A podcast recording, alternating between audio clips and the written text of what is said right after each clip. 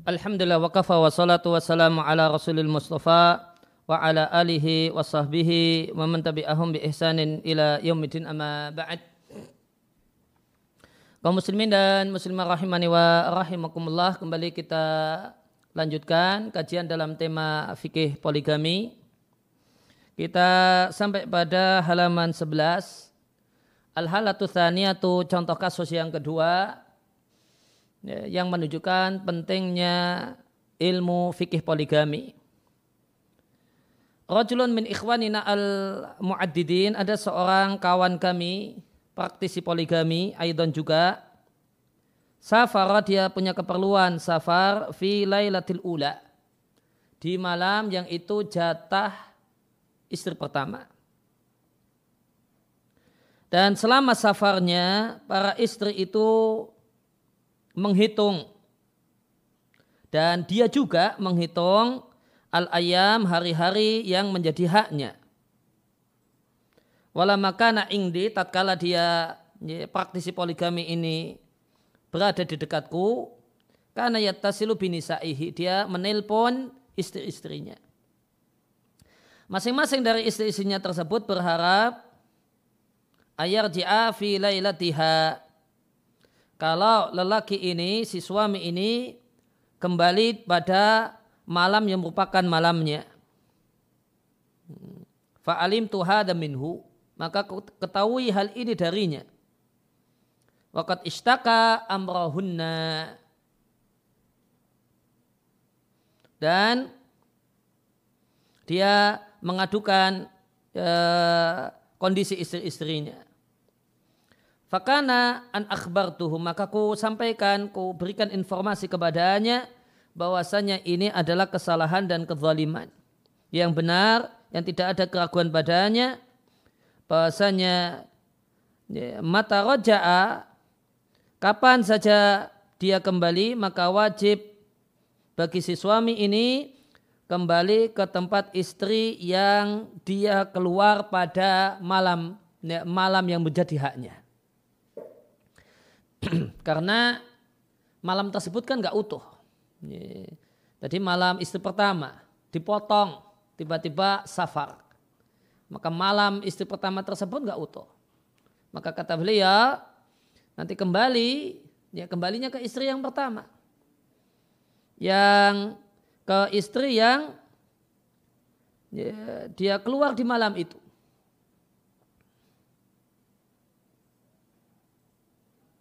Alati kharaja fi lailatiha yang dia keluar safar fi lailatiha di malam itu wa huwal adlu.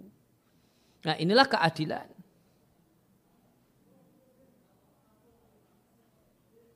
Wa amma hisabul ayam adapun menghitung hari-hari yang ditinggal safar pada hari-hari tersebut dengan ala dengan anggapan bahasanya hari-hari itu menjadi haknya sama persis sebagaimana ketika suami itu mukim, maka itu satu hal yang tidak benar. Jadi ketika suami itu safar sendirian, ya safar punya keperluan safar sendirian, maka dia tidak punya utang sama uh, istri-istrinya. Nanti ketika dia mukim, nah, ya, maka dia uh, ya, jika tidak dalam kondisi normal dia lanjutkan kepada Eh, malam berikutnya itu hak siapa? Hari berikutnya itu hak siapa jika dia tidak punya kasus sebagaimana uh, orang ini. Kalau ini, orang ini punya kasus, malam istri pertama belum penuh dia berikan ditinggal pergi. Wakana fiha ada maka dengan penyampaian ini farajun azimun lihalatihi ini, kalau bahasa terjemah bebasnya ini pencerahan luar biasa untuk kasusnya. Atau farajun, maka ini solusi yang luar biasa untuk kasusnya.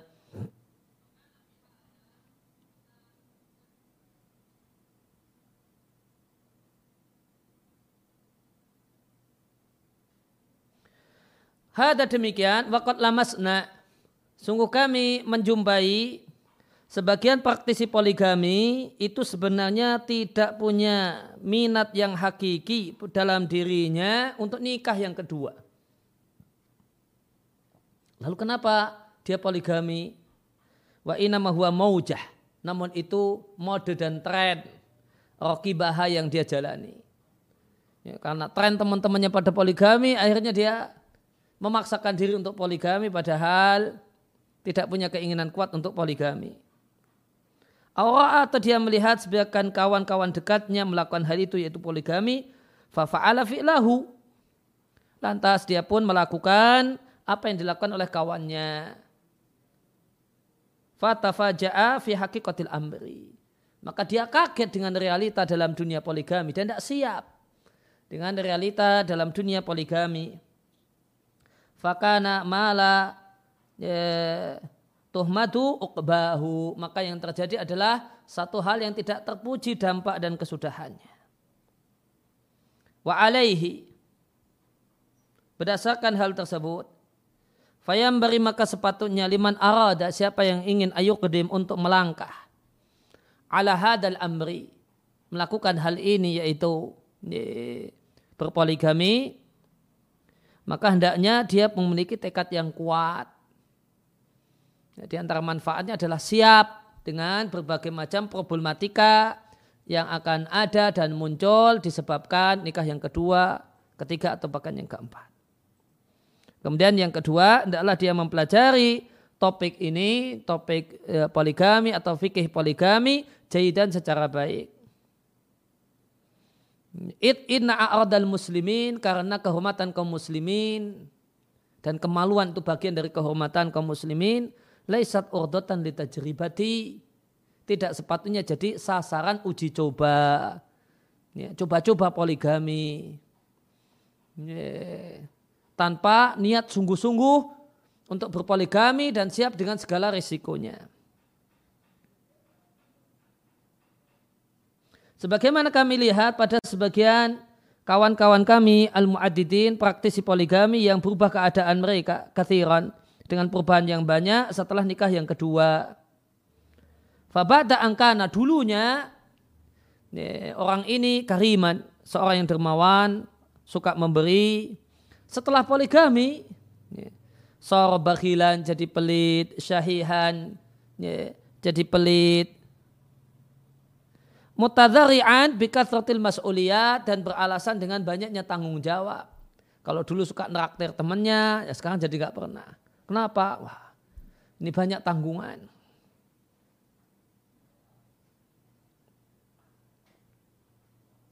Wabada angkana sya'latan dan setelah dulu dia menjadi obor penerang dalam dakwah ilallahi.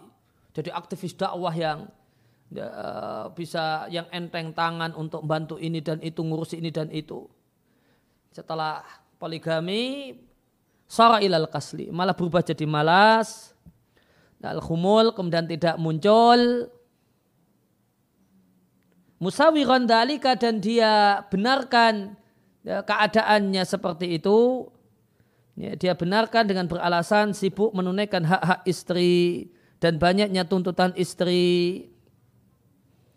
Wabada dan setelah dulunya dia adalah seorang penuntut ilmu, rajin ngaji, yang rajin membaca, rajin mengajar, seorang munsarifan andalika. Setelah poligami, dia tinggalkan itu semua. Kenapa? Liurdi kulla wahidatin dia ingin menyenangkan masing-masing dari istrinya binushatin dengan rekreasi, waziaratin, dengan berkunjung ke sana dan kemari dan yang lainnya.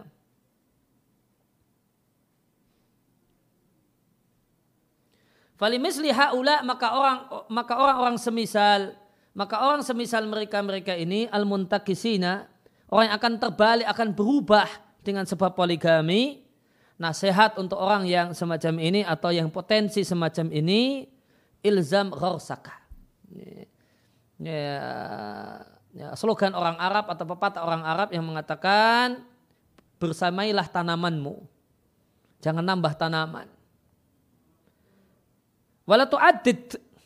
Jangan poligami. Khairun laka walidinika. Itu yang lebih baik untukmu dan untuk agamamu.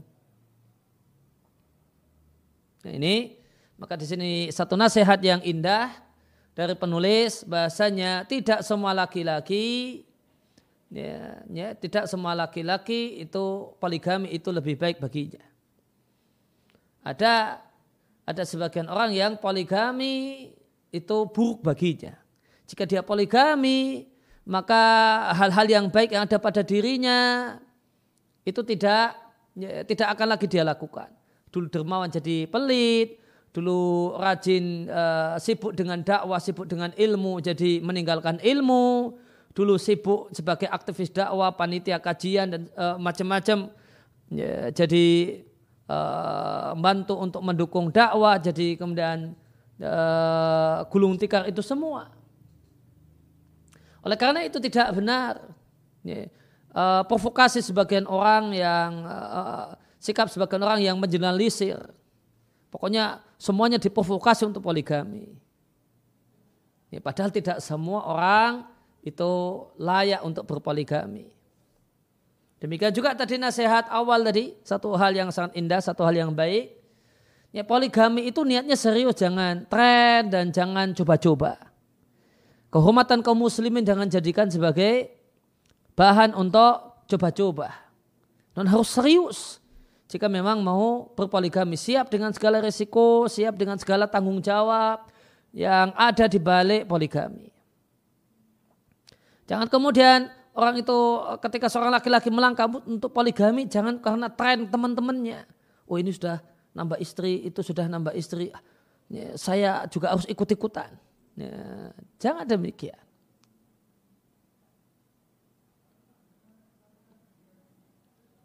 Nah, oleh karena itu wala yang bari ayakuna tafkiru fil jinsi fakat. Maka Tidaklah sepatutnya yang dipikirkan bagi orang yang mau poligami adalah pikiran seksual saja. Ya, hanya mikirkan masalah hubungan seks, ala hisab. Ala hisab itu dengan menelantarkan. Dengan melantarkan aktivitas yang lebih mulia semacam tolabul ilmi, kemudian dakwah atau peran dalam dakwah ilallahi. Fatanabbah. Perhatikan hal ini.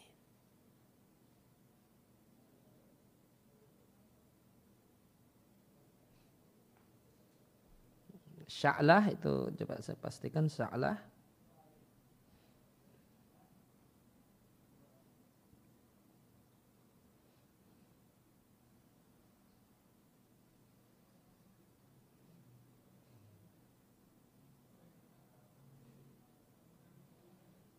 Yes. Syu'lah bacanya syu'lah nyala api.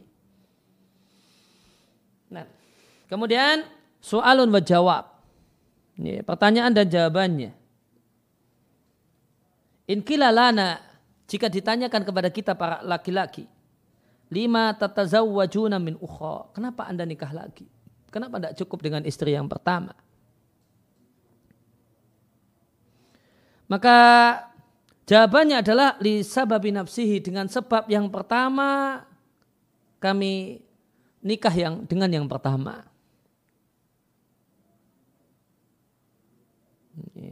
Yaitu apa? al-khidmat, ya, ingin kemudian wa isanil farji wal walad.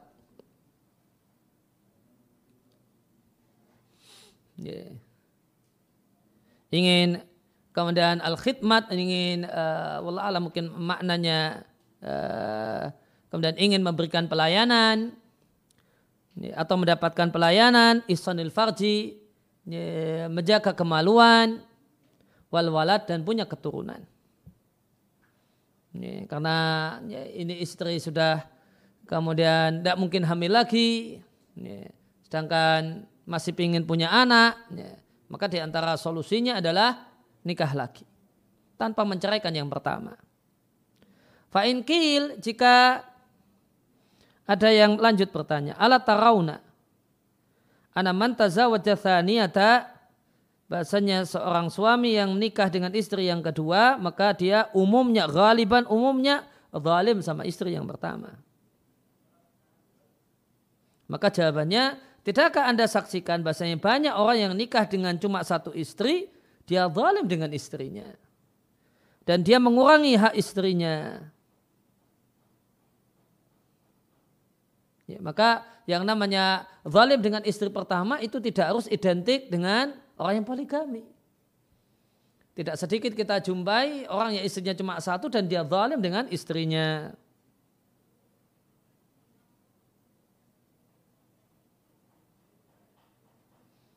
Fawa min baina amalihi wa diwanitihi maka dia di antara pekerjaannya dan kantornya atau ladangnya atau sibuk berburu bahasa praktis tempat kita mancing ya. mancing itu termasuk site termasuk berburu ya. awis safar atau bepergian traveling ya.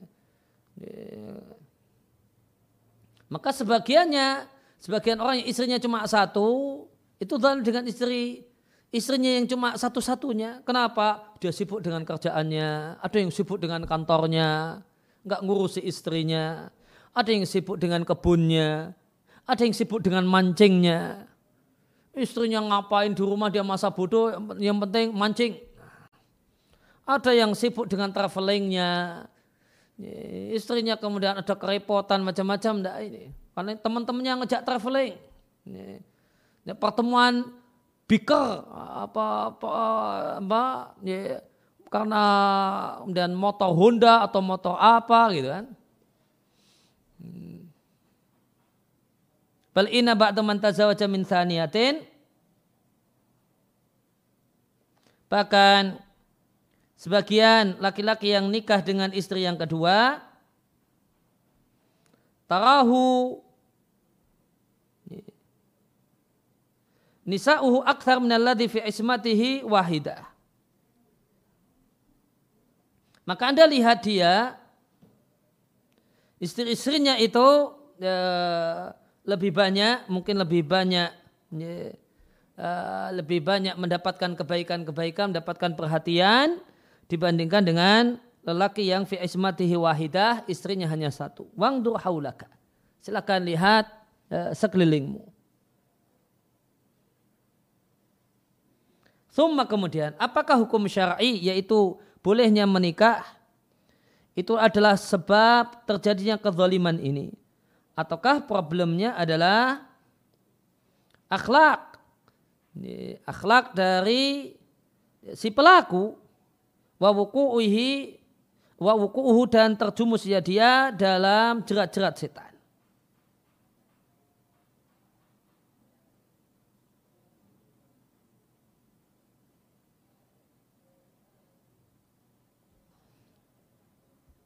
Tentu jawabannya eh, terjadinya praktek-praktek poligami yang tidak sesuai dengan apa yang diharapkan itu kesalahannya bukan kesalahan hukum syar'i, non kesalahannya adalah kesalahan praktek si praktisi poligami tersebut. Adapun hukum syar'i jika dilaksanakan ya, dengan baik, ya, maka tentu tidak ada kecuali di sana ada solusi, ada keindahan. Ya, dan ada kebaikan.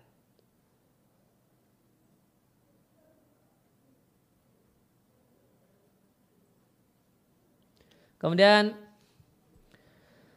Fa'in kilalana, jika ditanyakan kepada laki-laki yang mau berpoligami, istrimu, istri pertamamu itu mutadayyina. Orangnya adalah orang yang baik agamanya, rajin sholatnya, tertib uh, tutup auratnya, rajin puasa sunnahnya. Jamilah ditambah istrimu adalah istri yang cantik, qaimatun bihukukika, menunaikan hak-hakmu uh, sebagai seorang suami, dia seorang pelayan, seorang yang seorang sosok istri yang sangat melayani suaminya.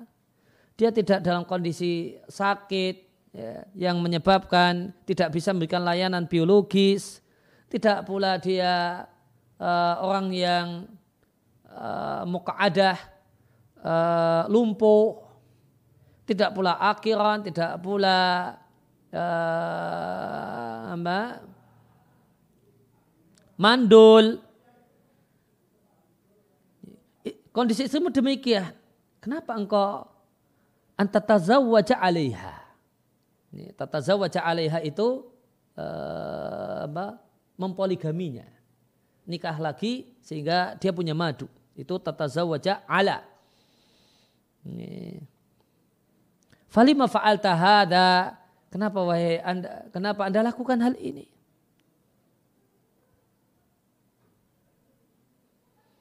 Maka jawaban kami, jika dia mandul atau lumpuh atau sakit sehingga tidak bisa memberikan layanan, tidak bisa memberikan pelayanan sebagai mestinya, apakah wanita ini berhak untuk didolimi? Jawabannya tentu tidak.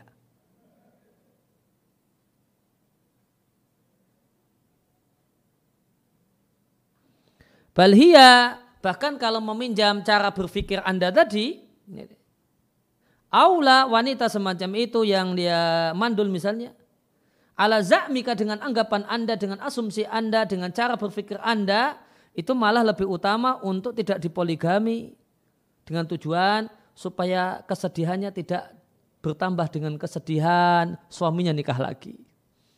Dia sedih karena dia mandul, tambah sedih karena suaminya nikah lagi. Dia sedih karena sakit sehingga tidak bisa melayani suami, eh ditambah tambah sedihnya karena suaminya nikah lagi. Nah, ini kalau pakai logika Anda seperti itu, ya, malah wanita semacam ini lebih berhak untuk tidak dipoligami. Nah, ini jika alasan yang boleh, eh, alasan yang dibenarkan untuk poligami hanya manakala istri itu lumpuh, sakit, tidak bisa memberikan layanan biologis atau mandul. Sebagian orang punya logika, nah wanita-wanita semacam ini yang layak untuk dipoligami. Ya, kalau meminjam cara berpikir Anda, malah kita katakan wanita-wanita semacam ini lebih utama untuk tidak dipoligami supaya sedihnya tidak tambah sedih karena dengar suaminya dan dengar niat suaminya dan tahu berita suaminya nikah lagi.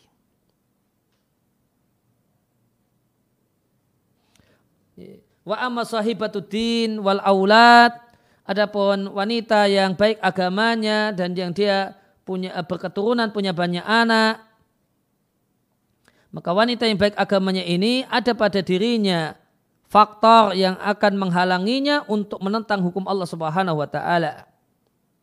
Dan ketika dia punya banyak anak, maka dia memiliki anak-anak yang menyibukkannya. Menyibukkannya untuk ngurusi anak-anak tersebut ketika suaminya tidak ada karena berada di rumah istri yang lainnya.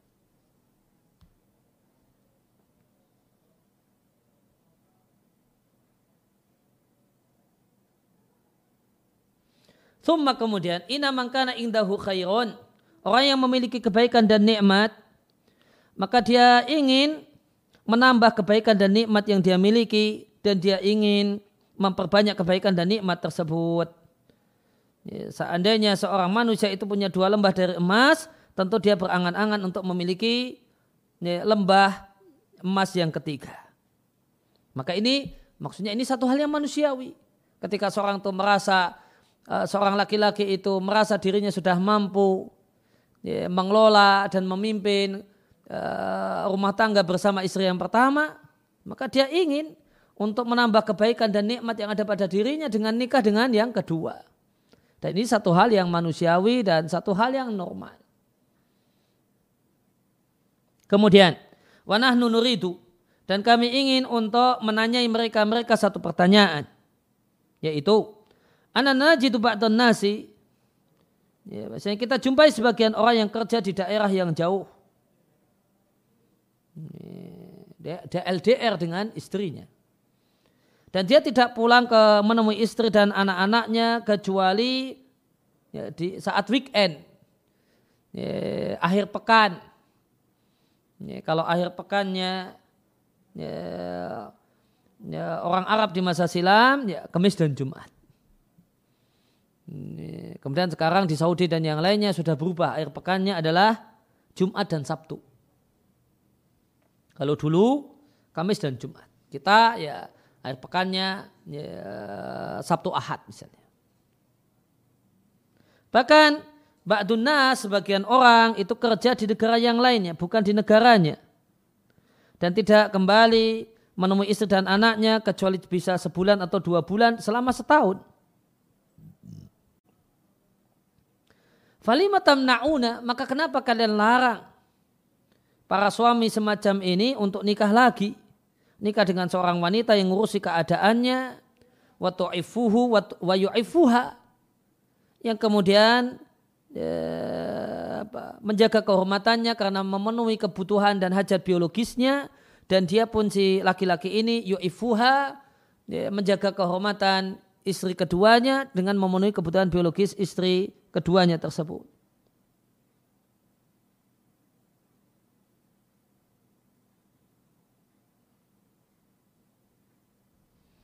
Walima dan kenapa kalian tidak namai mereka-mereka ini orang yang zalim sama istri dan anaknya karena LDR, ya, karena kerja di luar negeri. Bahkan sebaliknya kalian namai mereka ini para pejuang visabilis rizki dalam rangka mencari rizki.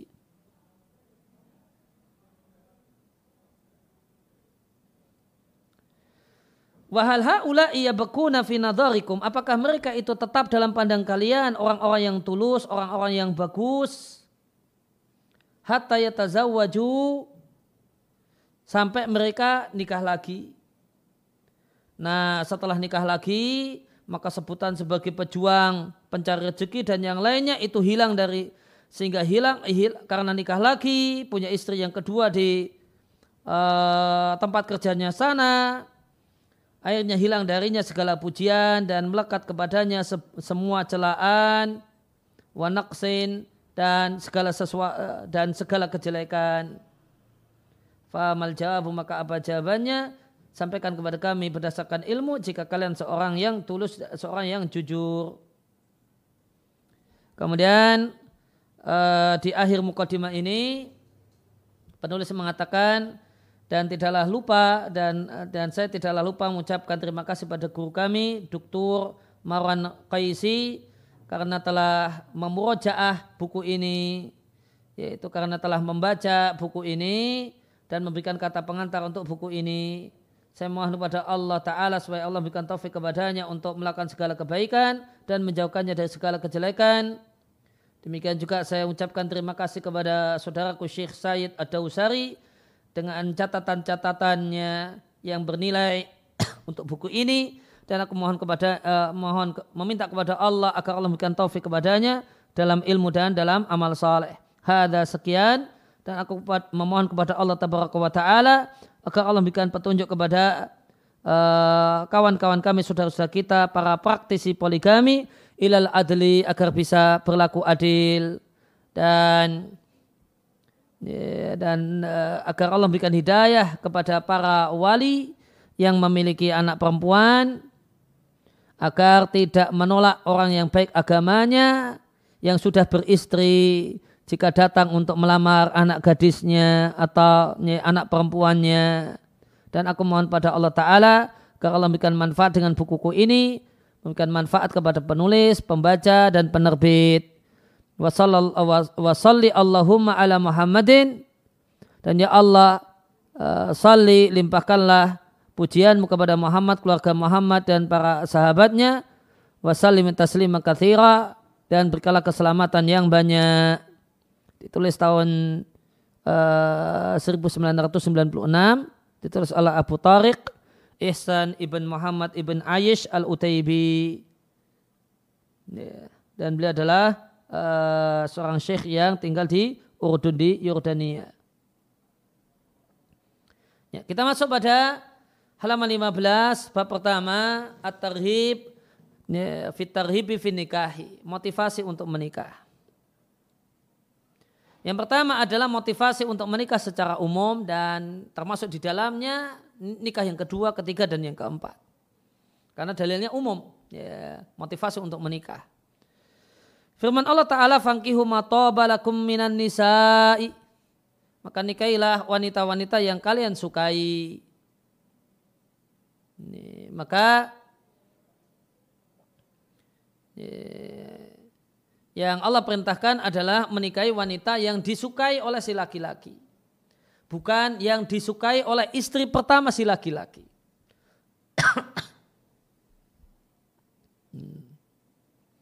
Allah tidak syaratkan bahasanya istri kedua itu harus perempuan yang disukai oleh istri yang pertama. Tidak Allah syaratkan. Namun yang Allah uh, yang Allah syaratkan dan yang Allah uh, yang Allah sebutkan adalah nikailah perempuan-perempuan yang kalian sukai. Bukan yang disukai oleh istri pertama kalian. Maka tidak ada keharusan istri yang kedua itu dicarikan istri pertama atau dicocoki oleh istri pertama. Tidak cocok di antara mereka, tidak masalah. Yang Allah yang menjadi kewajiban seorang suami praktisi poligami adalah bersikap adil di antara keduanya. Tidak ada keharusan menjadikan keduanya itu eh, cocok seperti kakak beradik, seperti kawan dekat. Dan Allah Azza wa Jalla berfirman, wa angkihul ayama minkum wa salihin min ibadikum wa imaikum. Wahai para wali, nikahkanlah orang-orang yang sendiri di antara kalian dan budak laki-laki atau perempuan yang soleh di antara uh, yang kalian miliki. Kemudian dari Abdullah bin Mas'ud radhiallahu anhu Rasulullah sallallahu alaihi wasallam bersabda, "Wahai para pemuda, siapa yang di antara kalian memiliki ba'ah Ya, nanti akan ada penjelasannya. Hendaklah segera menikah. Karena menikah itu lebih menundukkan pandangan dan membentengi kemaluan. Dan siapa yang tidak mampu, fa'ali bisawmi. Maka hendaklah dia banyak-banyak puasa. Fa inna maka puasa, lahu wijaun itu bagikan kebiri untuk dirinya. Ya, dengan kebiri itu artinya orang itu sahwatnya terkendali. Atau bahkan tidak punya sahwat. Diatkan oleh Al-Bukhari dan Muslim. Yang dimaksud dengan ba'ah di sini adalah al-jima'u ma'a mu'natin nikahi. Punya kemampuan biologis untuk menyetubuhi perempuan. Kalau dia impoten, ya, dia belak-belakannya atau kemudian dia atau tidak bisa tegang, ah, maka berarti ya, tidak termasuk dalam hadis ini. Kemudian yang kedua, ya, maka yang diperintahkan untuk menikah itu orang laki-laki yang punya syahwat. Laki-laki yang punya syahwat yang diperintahkan untuk menikah adalah yang punya ba'ah. Kalau dia tidak punya syahwat, ya, tidak punya nafsu, kalau kemudian misalnya secara tidak sengaja lihat wanita yang menarik, ya maka tidak ya, tertuju padanya perintah untuk menikah. Ya, ya. Maka apakah nikah itu dengan syahwat? Syahwat ya jawabannya harus. Orang yang diperintahkan oleh menikah adalah orang yang punya syahwat sehingga punya al-jima'u kemampuan untuk ngumpuli istri ma'a mu'natin nikahi plus biaya pernikahan. Artinya kemampuan finansial untuk membiayai pernikahan. Makna hadis siapa di antara kalian para pemuda yang mampu al-jima'a untuk mengumpuli istri karena dia punya kemampuan untuk menanggung biaya pernikahan. Bahaya uh, mu'anun nikahi yaitu biaya untuk menikah maka hendaklah dia menikah. Kemudian uh, dalil lainnya sabda Rasulullah Sallallahu Alaihi Wasallam walakini usali wa anam namun aku adalah orang yang sholat sekaligus sholat malam namun ada waktu untuk tidur. Wa asumu wa uftir. Aku berpuasa dan sekaligus ada hari aku tidak berpuasa. Wa atazawwajun nisaa dan aku menikahi nikahi banyak perempuan. Ya, maka Nabi katakan atazawajun nisa'a, beliau tidak mengatakan atazawajul imra'ata, ya, al-mar'ata, namun beliau atazawajun nisa'a, menikah dengan banyak perempuan. Maka siapa yang membenci ya, ajaranku, maka dia bukan bagian dariku. Diatkan oleh Al-Bukhari dan Muslim. Kemudian motivasi untuk nikah dengan gadis